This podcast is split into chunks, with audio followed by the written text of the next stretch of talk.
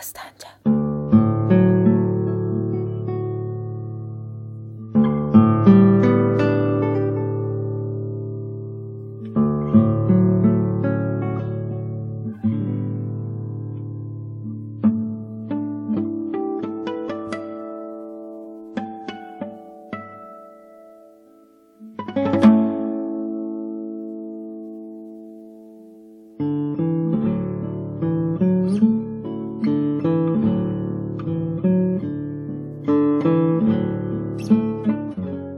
Neçə gün öncə başladığım nağıl yaxamdan əl çəkmirdi.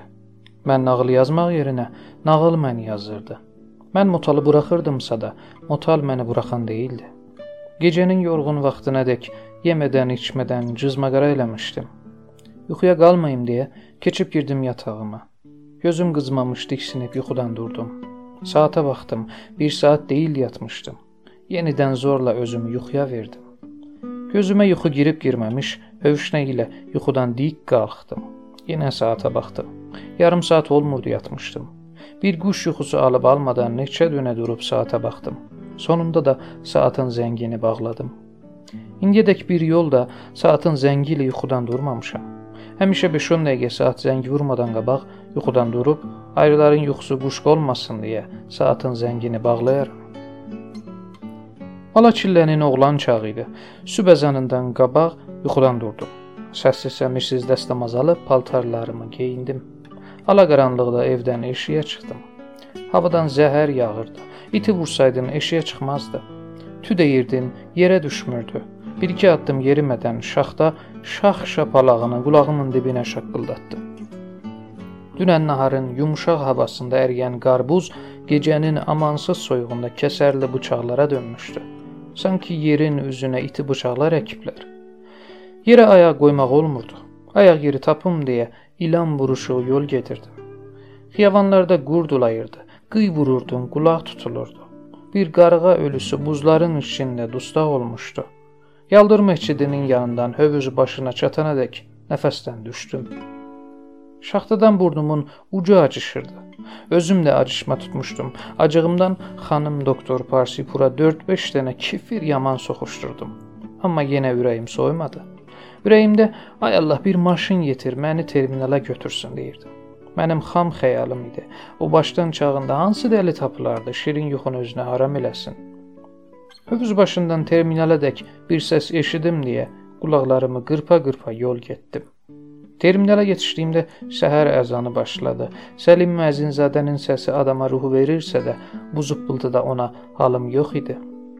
Minibüsün qabaq səndəlində özümə yer tutdum. Durmadan keçdim terminalın namazxanasında namazımı qılam. Namazxana demə, şaxtaxana. Namazxanada bir mən idim, bir Allah. Bir üzü qara möhür tapıb qibləyə sarı tuşladım. Alnımı möhürə qoyanda sanki bir tikə buz yapışdı alnıma. Bilmirəm iki rəkət namazı necə qıldım. Allahın borcunu verəcək minibusa sarı qayıtdım. İki nəfər gəlib maşında oturmuşdular. Ortada qoyulan piknikin istisi ilə əl-ayaqlarını qızdırırdılar. Mən də keçib yer tutdum, səndəldə oturdum. Allah Allah eləyirdim. Minibus tez dola, bəlkə gecikmədən yola düşüb vaxtında Təbrizə çatam.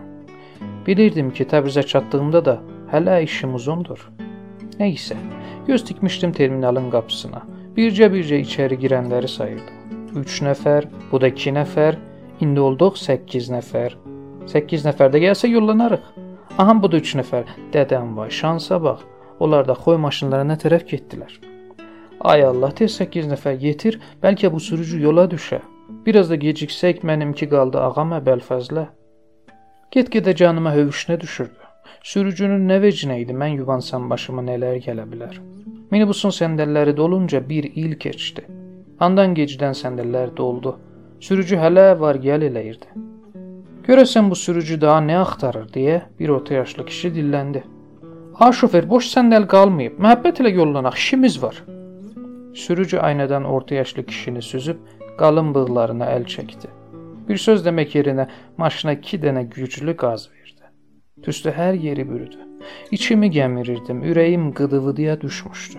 Doktor Şəhərnuş Parsipurun qiyafəsi gözümün qabağında rejə gedirdi. Son cəlsədə lağ ilə dediyi söz beynimdə cingildəyirdi. Ay yazıçı, bir cələsədə qayıb olsam dərsin həsf olacaq. Məndən demək. Bilirdim bir bahanə dalınca gəzir, dərsimi həsf eləsin. Məndən xoşu gəlmirdi. O məni bir dikbaş öyrənci sanırdı. Onun öyrəncilərdən yersiz gözləntiləri var idi. Elə biri bu ki, hər nə dedi, gözü bağlı, qulağı bağlı, siz buyuran da deyəsən. Yoxsa sənlə tərsə tovlayıb qısqanc arasına qoyardı. Elə ilk cəlsələrin birində fars ədəbiyyatının güclü yazarlarını abartaraq Sadiq Hidayətin Kor Bayquş kitabını şahəsər tanıtdıranda dilim diş durmayıb özümü güdaza vermişdim. Bağışlanma suçum bu olmuşdu ki, siz buyuran da demək yerinə Hidayət Kor Bayquş kitabında nə demək istəyir? Nəcəf Dəryabəndəri kimi bir ustad o əsərə çökmüş dediyində yanılarmı demişdim. Bu sözləri dediyimdə ip qırılmışdı, dana qaçmışdı. Xanım doktora bir öyrəncinin ağzından yekə danışmağı çox ağır gəlmişdi. Sonrası da şorba qızdıran öyrəncilərdən biri çoğulluq eləyib məni xanım doktorun yanında bir burnu yelli, yeni yetmiş cızma qara eləyən tanıtdırmışdı. İndi mənim kötü davranışım, bir də eşitdiyi sözlər onu bilər bilməz mənə nisbət acıqlandırırdı. Öncələr bilim yurdu haqqında, ustadlar haqqında nələr düşünürdüm, indi nələr görürdüm. Xanım doktorun ayrı ustadların tərsinə bir əntiqə adəti də var idi. O da bu ki, özü kilasa girəndən sonra daha heç kim kilasa yol verməzdi. Çətini ayağı kilasın qapısından içəri girsin. Xeybər qalasına girmək mümkün olursa da, onun kilasına girmək mümkün olmazdı. Keçdi kilasa, qalanın qapısı bağlanardı. Min aya gətirsəydin də qulağına getməzdi ki, getməzdi. Övüşmək içində bir qolumdakı saata baxırdım, bir sürücüyə, bir də maşında əyləşən müsafirlərin üzünə. Handan gecdən sürücü yenə aynadan hamını gözdən keçirəndən sonra maşına 1-2 dolu qaz verib tüstü sala-sala yola düşdü.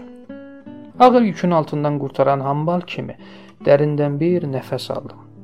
Çantamı açıb kitabların içindən bir kitab çəkdim eşiyə. Nişan qoyduğum yerdən başladım oxumağa. Raskolnikov nacaq axtarırdı. Mitbağa girmişdi. Nacağı gördü. Bir şıqqıltı eşitdi. Canına hövüşünə düşdü. Tez mitbağdan eşiyə çıxdı. Bir qaranlıq dalana baxdı, bir də yuxarı qatdan enən pillələrə. Pillələrdə heç kim görünmürdü. Dalanın qapısına sarı yola düşdü. Qapıçının otağının qapısı açıq idi. Qapıçı orada değildi. Girdi otağa. Bucaqda gözünə bir yaxşı nacaq sataşdı. Nacağı tez götürüb paltovunun altında gizlətdi. Vaxt itirmədən otaqdan çıxıb tələsik yola düşdü. Qoşulmuşdum Raskolnikovla Alina İvanovanın evinə sarı gedirdim. Gedirdik adam öldürməyə. Adam? Hansı adam? Nə adamı? Bir qansoran sülük, bir dırnaqsız bir daş ürək, bir para göz qoca kaftar. Nağılı buraxıb içimdə bir məhkəmə qurmuşdum.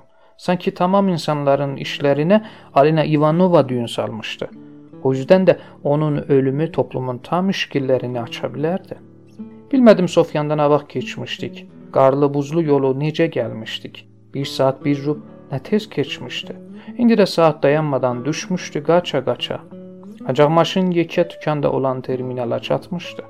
Müsafirlər tələsik maşından yerə tökülürdülər. Kitabı büküb çantamın içinə qoydum. Bir taksiyə əl eləyib tez minib özümü bazar ağzına getirdim. Xət maşınları qatar kimi dal-badala düzülmüşdülər. Vəliyəs, Zəfəraniyə, Şahgölü adamlar tələsik dürtülürdülər xət maşınlarına. Mən də qaçıb mindim Zəfəraniyə xəttinə. Səndəllər dolmuşdu. Yaslandım maşının ortada olan miləsinə. Bilikçiran duraqların adını bir-bir səsləyirdi. Banki milli, saat qaba, düşən yox, ged şofer. Göy məscid yoxdur, get. Qut meydanı. Duraqları keçdikcə saata baxırdım. 8-ə 10 dəqiqə qalırdı. Ürəyimin tappıltısını eşidirdim. Xət maşını Təbriz bilim yurdu durağında dayandı.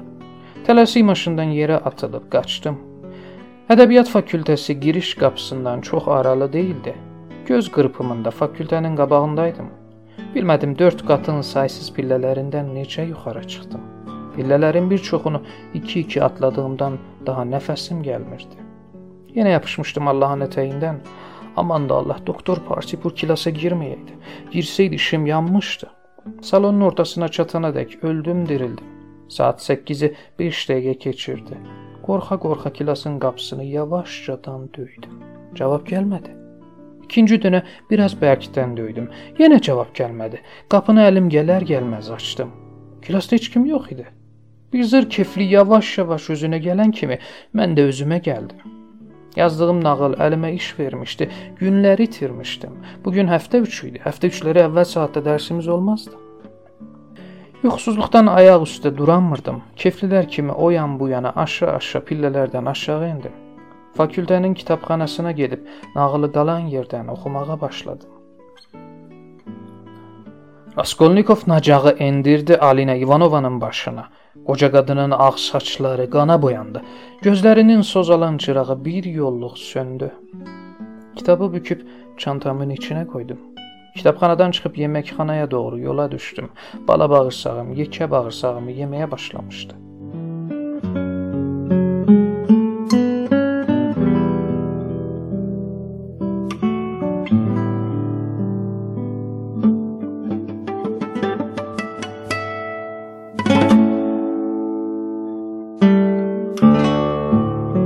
Gecə yarıdan keçmişdi.